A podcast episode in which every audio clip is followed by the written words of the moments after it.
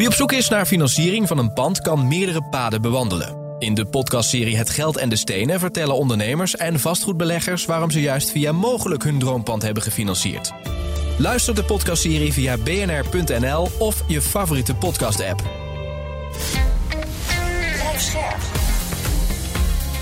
BNR Nieuwsradio. Vastgoed gezocht. Maarten Bouwhuis en Maarten de Gruiter. Wie wil beleggen in stenen moet een flinke zak geld meenemen. Dat is althans wat ik dacht. Maar de drempel blijkt veel minder hoog. Een vastgoedbelegger wordt je al met een inleg van 100 euro. De vraag van deze week: vastgoed crowdfunden. Hoe werkt dat eigenlijk? Dit is Vastgoed Gezocht, jouw wekelijkse update over de wereld van de stenen. Je hoort ons natuurlijk elke maandagavond op BNR of gewoon online via je eigen podcastplayer. En vooral via de BNR-app. Download die nog eventjes. Maarten de Gruiter is mijn co-host zoals elke week. En uh, ja, heel Nederland wil nou toch nog even opnieuw naar die verkiezingsuitslag kijken. Dat is nu vijf dagen geleden. Het land is geschokt. BBB komt zelfs met 17 zetels in de Eerste Kamer. Ja. Uh, de grootste in alle provincies. Ja, het is inderdaad, uh, het is niet helemaal helder. Hè? We hebben natuurlijk alle twee uh, hebben ook het hele weekend gespendeerd aan te kijken wat is uh, nou precies hun plannen voor woningbouw. Ja. Ik vind wel dat heel veel mensen al wel al helemaal hebben bepaald van ja, dit, dit is slecht voor de woningbouw ben ik het niet mee eens. Uh, ik hoop dat ze ook de, de, de stikstofwet tegen het licht zullen gaan houden onder dwang van de BBB. Uh, wat uh, de minister natuurlijk afgelopen week zei, waarover overigens Carolien van der Plas ook haar haar reactie was ook, moet ik even goed zeggen, compleet gelul. Was namelijk dat de minister zei: ja, we moeten wel, want we zijn aan EU-richtlijnen uh, gehouden. Ja. Is gewoon op het stikstofbeleid niet waar. Is gewoon gelogen, is niet waar. Er zijn geen EU-regels, geen EU-wetten op stikstofbeleid. Is er niet. Dus dat moeten ze niet zeggen. We hebben ons zelf toegedwongen. Nou kun je daarover discussiëren. Moet je dat wel of niet doen? Prima. Maar ze moet niet zeggen dat het door de EU moet. Ook slecht is dat. Jij net zei, het volt uh, Europa. Je moet het niet naar uh, Europa wijzen als iets moeilijk wordt op een gegeven moment. Doet ze, doet ze wel vol aan mee, ja. Maar terug naar de BBB. Ik denk dat um, uh, het meeste wat je hoort is dat ze zeggen... ja, nu krijgen we een probleem, want minder landbouw voor woningen. Dat is natuurlijk helemaal niet waar. Wat zij zeggen, geen gedwongen uitkoop. Ik denk dat er nog steeds heel veel boeren, zoals het altijd is geweest, graag zien dat hun uh, grond meer waard wordt, omdat er op een gegeven moment een woonbestemming opkomt. Ja. Dat zal niet anders zijn. Nee, de uitdaging wordt natuurlijk dat uh, uh, als we de stikstofuitstoot willen reduceren, dat we uiteindelijk naar minder vee willen. En ook de, de harde kern van de agractie, uh, toch ook een belangrijke drijver achter het succes van de BBB indirect. ja, daar zitten ook boeren tussen die zeggen we willen helemaal niet naar minder vee. En, en die botsing die gaat er nu wel komen. maar even sec naar hun woningbouwplannen, wat in hun, wat in hun verkiezingsprogramma staat. Ja. ze zeggen dus we gaan geen boeren onteigenen, maar ze zeggen ook we moeten zoveel mogelijk binnenstedelijk bouwen. Uh, starterswoningen uh, voor studenten, sociale huur. Als er onvoldoende sociale huur wordt gebouwd in gemeenten, moet de provincie zelfs uh, naar dwang toe. Ja. nou, we willen ook bouwen voor um, meer generatiewoningen, kangeroewoningen, dat soort dingen. Kende jij dat woord, kangeroewoningen? Zeker. Ja, ik zeker. Niet, schitterend ja, woord. Ja, mooi hè? Ja. maar het is relatief, laten we zeggen, politiek midden slash links, die woon, woonagenda. Nou, ik vind, ik vind wel op het moment dat je natuurlijk gaat dwingen voor sociale huur, hè, want ik heb wel vaker gezegd, in, in Nederland is één op de drie woningen een sociale woning. Daar doen wij het uh, bovengemiddeld goed mee in Europa. 10% is gemiddeld in Europa. Wij zitten uh, ruim boven de 30%. Uh, maar de rest vind ik, nou ja, kijk, binnenstedelijk bouwen. Um, als je gaat kijken naar eigenlijk alle partijen, volgens mij in, de, uh, in Noord-Brabant bijvoorbeeld, die zeggen allemaal eigenlijk, ja, binnenstedelijk bouwen en minder logistiek. Dat zeggen ze allemaal. Ja. Dus als ik nu lees een rapport van CBRE, is dat volgens mij, um, ja, dat zal wel iets betekenen voor de logistiek in Brabant. Nou, dat was het al. Want alle partijen ongeveer hadden dit al ja. in hun uh, dingen staan. Maar goed, ook voor elke binnenstedelijke ontwikkeling uh, heb je een stikstofvergunning nodig. Uh, Brabant heeft nu even een stop gezet op die vergunningen. en dat wordt natuurlijk, laten we dat even politiek bekijken, dat wordt heel spannend. De komende formatie in Brabant Absoluut. met zo'n grote BBB. En de vraag hoe je dit gaat vlot trekken. Ja, dat, dat is ook heel moeilijk. Maar kijk, je, je kunt niet zeggen.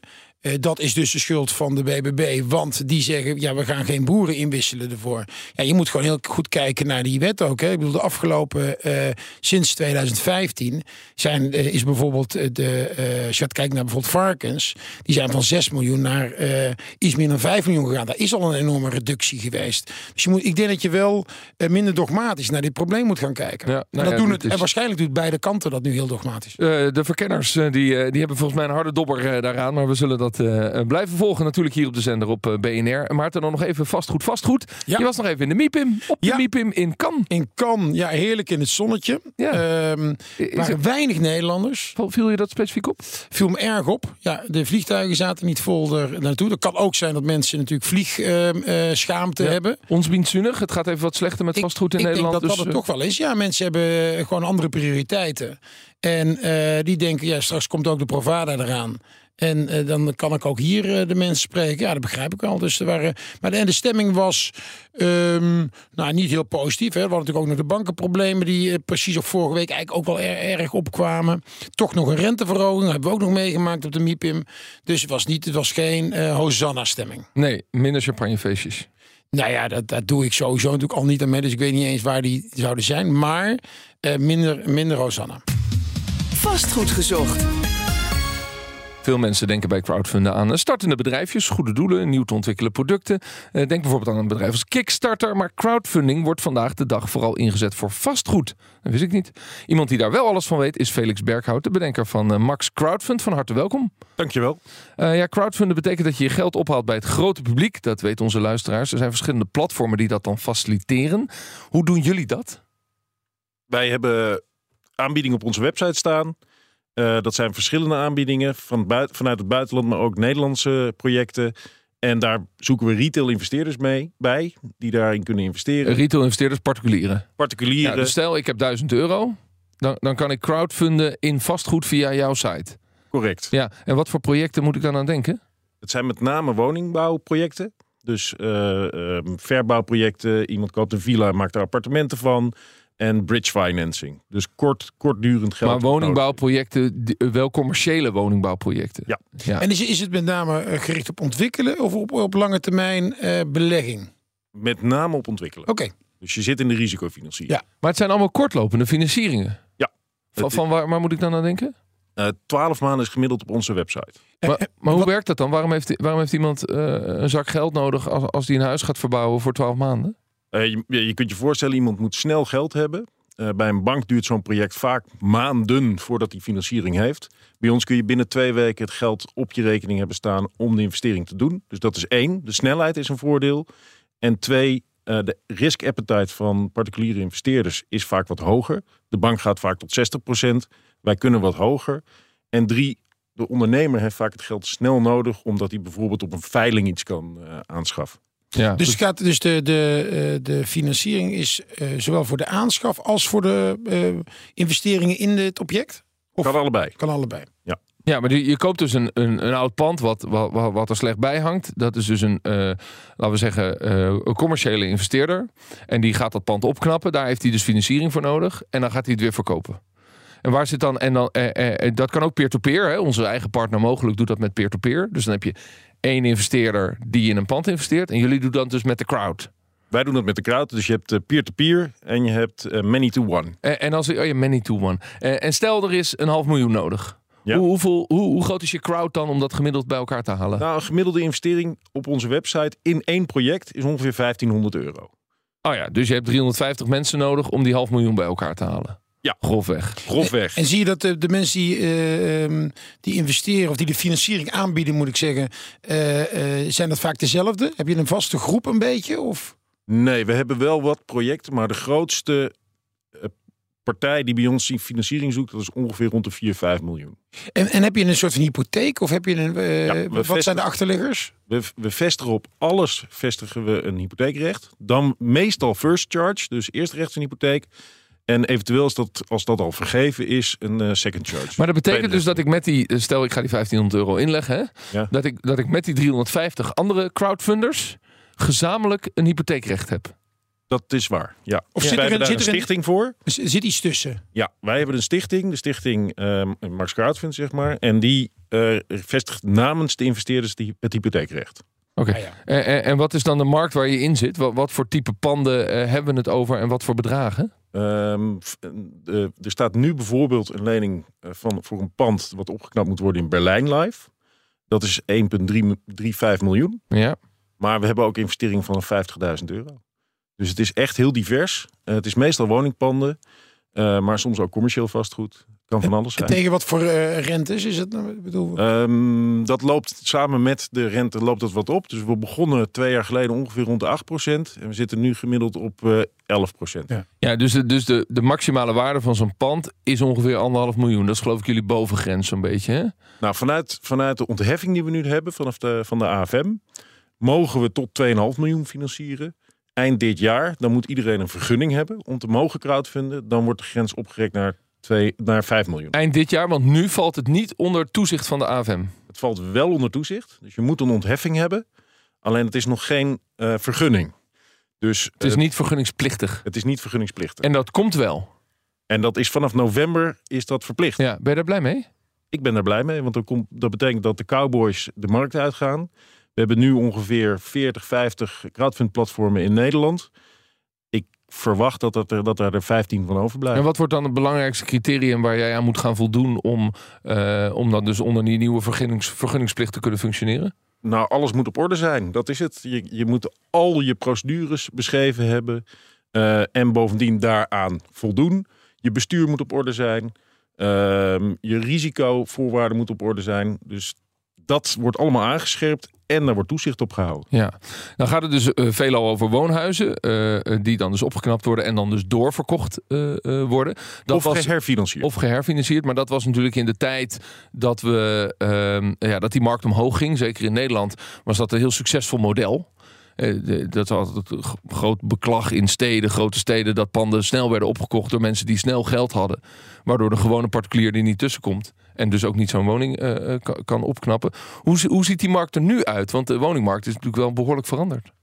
Dat klopt. Wij doen met name investeringen in het buitenland. Eh, wij willen ons ook uit, gaan richten op heel Europa. Met de vergunning straks mag je ook heel Europa in. Dan mag je de hele EU in.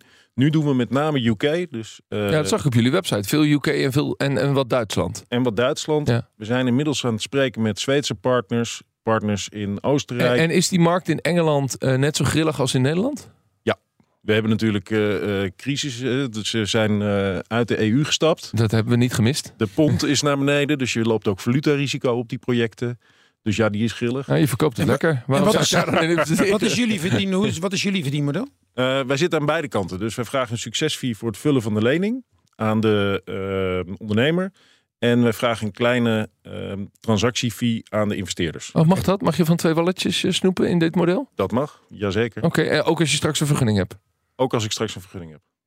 Ehm, eh, Als dus het maar duidelijk is, hè? het lijkt me. Eh, ik, ik heb het openbaar, eh, het staat allemaal op de website. Het staat allemaal eh, eh, tot, tot de komma, zeg maar, op de website. Ja, ehm, eh, nou ja, goed. Het is dus voor ook kleine projectontwikkelaars. Nou staat er een projectontwikkelaar in deze studio. Kennen jullie dat principe van, van het crowdfunden van de... Jij noemt dat geloof ik bridge financiering, hè? Ja, bridge finance. Bridge financing, ja. Nee, nou ja, kijk, ik, eh, de, de, wij zitten in een iets ander segment eh, projecten. Anderhalf miljoen is voor jou de ondergrond, ondergrens. Nou, die, die zit bij ons. We hebben geen project van anderhalf miljoen. Maar Nee. eh, daarbij komt natuurlijk ook nog wel.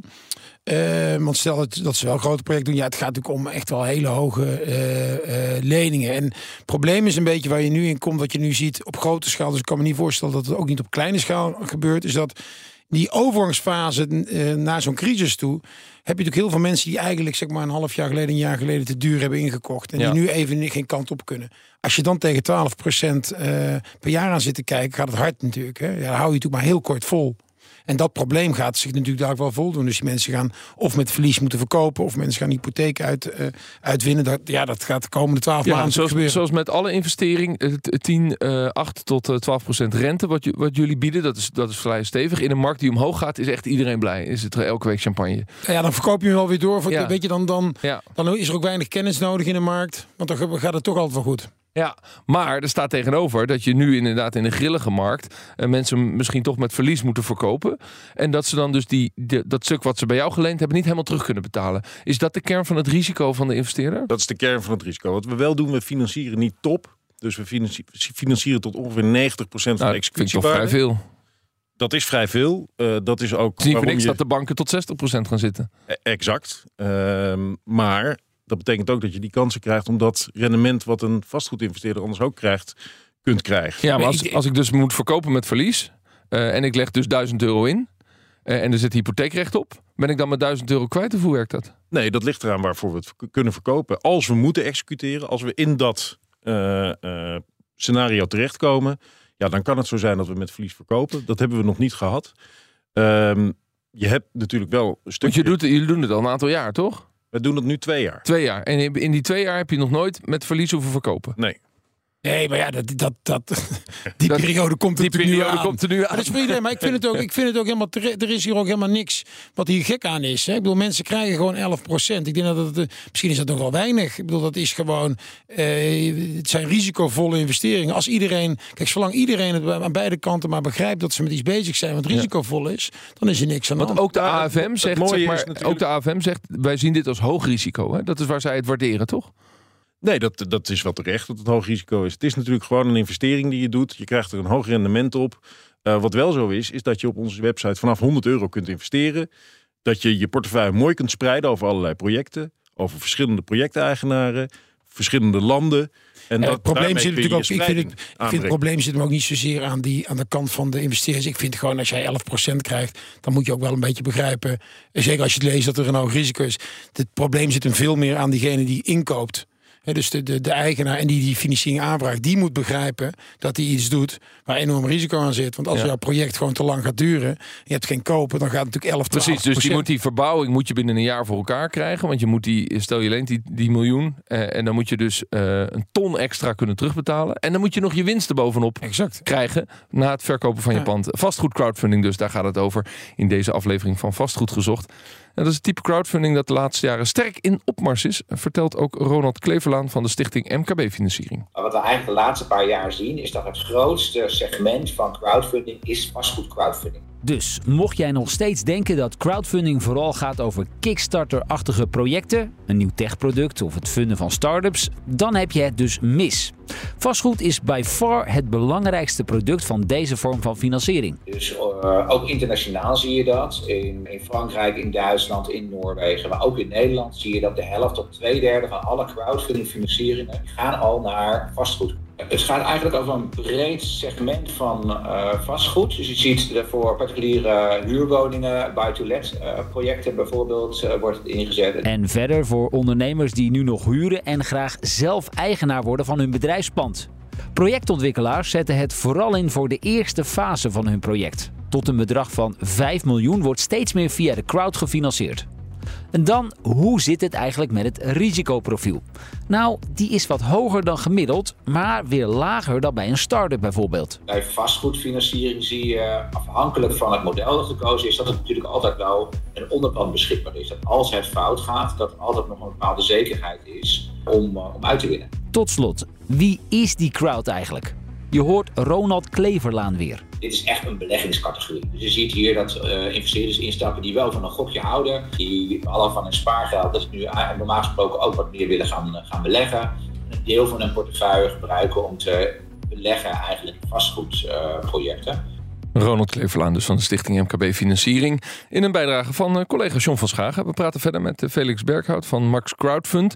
Ja, jullie doen dus panden in Engeland en, en ook in Duitsland en zelfs in Nieuw-Zeeland. Nou, dat, dat vind ik heel ver weg. En dan heb ik als investeerder eigenlijk helemaal geen zicht op waar ik nou in investeer. Dat klopt. Eh, maar wij zetten alles op de website.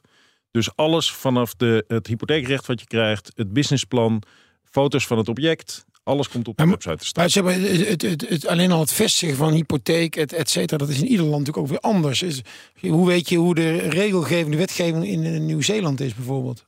Ja, en dat is dan weer ons specialisme. Dat wij weten hoe we, nou, om even Nieuw-Zeeland uit te leggen. In Nieuw-Zeeland, eh, eh, daar hebben wij een partner die gebruik maakt van onze website en van onze Ah, technologie. Ah, oké. Dus dat is niet eh, een onderdeel van Max, zoals je. Hij maakt gebruik Een van onze soort naam. white label systeem. Exact, Ja. exact. Oké, maar goed, eh, ook voor Engeland en Duitsland geldt. Eh, je zei het al, Brexit. Dat, dat heeft natuurlijk ook invloed gehad. En, en ja, Duitsland zit dan binnen de Europese Unie. Dus, maar het heeft ook weer wel zijn eigen vastgoedregels en zijn eigen hypotheekregels. Ja. Daar moet je als investeerder maar wel op kunnen vertrouwen. Ja, en dat is, dat is nu net ons specialisme. We hebben ook al eh, concurrenten gehad die bij ons vragen van hoe doe ik dat nou, het, het vestigen van een hypotheek in Engeland bijvoorbeeld. Eh, ja, dat is gewoon ons specialisme.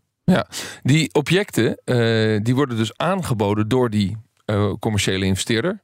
Die zegt, nou, ik heb hier een object, ik heb een bridge financing nodig. Nou, dan komen ze bij jullie uit. Hoe screenen jullie dan welke objecten je wel en niet wil? Nou, we hebben in alle landen marketingpartners zitten die een eerste screening doen. Eh, die gesprekken hebben met deze ondernemers. Daarnaast hebben we eh, eh, partijen gespecialiseerd die een valuation kunnen doen. In Engeland bijvoorbeeld maken we altijd gebruik van een RICS Valuator. Dat is een soort standaard in, in Engeland. Ehm, we bekijken de cijfers van de partijen. Dus we vragen om de tax returns en dat soort zaken. Ja, maar het interessante is, want het hangt ook een beetje samen met die vorige vraag van hoe weet ik nou waar ik in investeer en, en, en wat het is. Als je dat in Nederland zou doen en je, investeert in Nederlands pand, dan kun je gewoon in je auto stappen en je rijdt er even langs. Ik denk, ja, stel dat ik hier nou 5000 euro inleg, eh is niet, nou, voor de meeste investeerders niet heel veel geld, maar toch, je kunt een beetje gevoel hebben van. eh, bij Ah, Google Earth. Google Earth. Google Earth. Ja. Ik wou ja, het net zeggen. Maar, want Maarten, vastgoed is ook gewoon het, het gevoel van één Zeker. specifieke plek. Zeker. Klopt die plek ruiken. hier? Ja, nee, absoluut. Je moet er echt in de straat staan. Ja, nee, Dat doe jij toch ook als, ja, als zeker. ontwikkelaar? Maar ja, je, kijk, ik weet niet wat, hoe groot gedeelte van, van hun vermogen iemand erin doet. Als iemand 1500 euro erin doet, ja, dat weet ik niet. Kijk, als dat zijn hele spaargeld is, maar ik vermoed even dat dat, dat, dat dan niet zo is. Nee. Ja, dan het is ook een beetje een gok maar nemen. Toch Als je voor 1500 12%. euro 100 Nou, kilometer in de auto stapt... Dat en je- zou zonde en- zijn. En, en je tankt ouderwets ik- benzine... wat dan, ik dan nog ben je je investering dan ook kwijt. helemaal kwijt, ja. je rent op je Milieutechnisch ook niet verstandig. Een gok vind ik wat ver gaan. Hè, We, we, we, vestigen, we vestigen zekerheid op alle panden. Ehm, je kunt alles bekijken op de website. We zetten echt alles transparant op de website. Dus je kunt je wel Nee, goed zo bedoel ik het ook niet hoor. Ik bedoel, zo bedoel ik het niet. Maar ik bedoel, als jij eh 1500 stopt in, in, financiering van eh, een, vastgoedprojectje in eh, Duitsland, dat is natuurlijk toch iets anders dan eh, Shell aandelen kopen. Dan zijn jullie twee jaar bezig, dus echt een start-up. Hoe, hoe is het met de groeicijfers? Ehm, vorig jaar 700% ten opzichte van het jaar daarvoor. Eh, en dit jaar zijn we eigenlijk eh, eh, heel erg veel tijd kwijt aan het aanvragen van de vergunning. Eh, groeien we wel door en we zijn bezig met een volledig nieuw platform te introduceren. En ben je transparant over het geïnvesteerde totale vermogen wat je, wat je al hebt gedaan? Dat is, we, hebben, we zijn begonnen ooit als met vastgoedfondsen. Daar hebben we 12,5 miljoen opgehaald. En we hebben nu in, in crowdfundfinanciering 50 miljoen eh gefinancierd. 50 miljoen heb je al gefinancierd in crowdfundfinanciering. Dus een totaal aan 50 miljoen aan kleine bedragen van, van particuliere beleggers die via jullie in vastgoed hebben geïnvesteerd. Ja. Maar dit heeft wel veel potentieel dan, Maarten. Absoluut, het heeft zeker veel potentieel. Want, eh, Ik vind het heel, het is ook heel transparant en een hele snelle, kan heel snel gaan. Maar ik had nog even een vraagje. Als jullie iets in Duitsland bijvoorbeeld doen, laten we even Duitsland nemen. En eh, hoe, hoe groot zijn die gemiddelde eh, financieringen? Ongeveer 3,5 ton. 3,5 ton. En eh, wat eh, betaalt de, hoe, wat is de, betaalt de aanvrager van de financiering aan jullie? De aanvraag van de, financier, van de financiering betaalt, betaalt 2,5% succesfee. En een hele kleine administratiefee. Oké, dus nee, want ik zat even te denken, want kijk, eh, de, de hoeveelheid werk die jij kan steken in research, ja, die is natuurlijk beperkt. Als je, Ja. als je 1000 euro aan fee krijgt, ja, hoeveel werk kun je erin stoppen? Want als, dan wordt het niet meer, is het niet meer interessant. Ja, wij, vragen, wij vragen voor het aanvragen van de financiering vragen we eerst een bedrag van 250 vooraf. Ehm, om initieel Ja. research te kunnen doen. Dan vragen we 750 euro voor de publicatie van, van het object op onze website. En op dat moment, als we succesvol financieren, 2,5% succes. En ik kan dit, de- denk je ook niet dat dit nog voor, voor vele grotere bedragen kan? Het mag straks, het mag nu tot 2,5 miljoen. Ja. Het mag straks tot 5 miljoen. En gaat- die heel- markt willen jullie ook in? Zeker, zeker. Maar, en wat, wat, want je kunt zometeen ook je retail investeerders mag ik nu alleen nog maar uit Nederland halen. Ja. Maar met de vergunning mag ik overal retail investeerders vandaan halen in Europa. Maar, maar zou niet nog veel verder dan 5 miljoen ook kunnen gaan? Nee, dat is op dit moment nog niet. Er is wel. maar zou er markt voor zijn, denk je? Ik denk het wel, ja. Ja. Want we kunnen zo meteen equity ook financieren. Dus dan is het niet alleen maar leningen, maar ook aandelen. Dus je kunt je voorstellen dat je een SPV opricht met een bankfinanciering ernaast, waarmee je hele grote projecten kunt gaan financieren. Juist. Uh, en, en, en, zo praten wij uh, op de techniek nog langer door in deze studio. Felix Berghout van uh, Max Crowdfund. En dankjewel voor jouw verhaal, voor dit gesprek. Succes met het platform. Volgende week natuurlijk een kerstverse aflevering. Ja, luister ondertussen al onze afleveringen terug via je eigen podcastplayer. Of zoals gezegd, bnr.nl en de BNR-app. En als je in de BNR-app gewoon even een hartje geeft aan ons programma, krijg je elke week een pushbericht als we weer online staan. Voor nu bedankt voor het luisteren. Dag. Vastgoed gezocht wordt gesponsord door Mogelijk. Mogelijk. Vastgoedfinanciering voor ondernemend Nederland.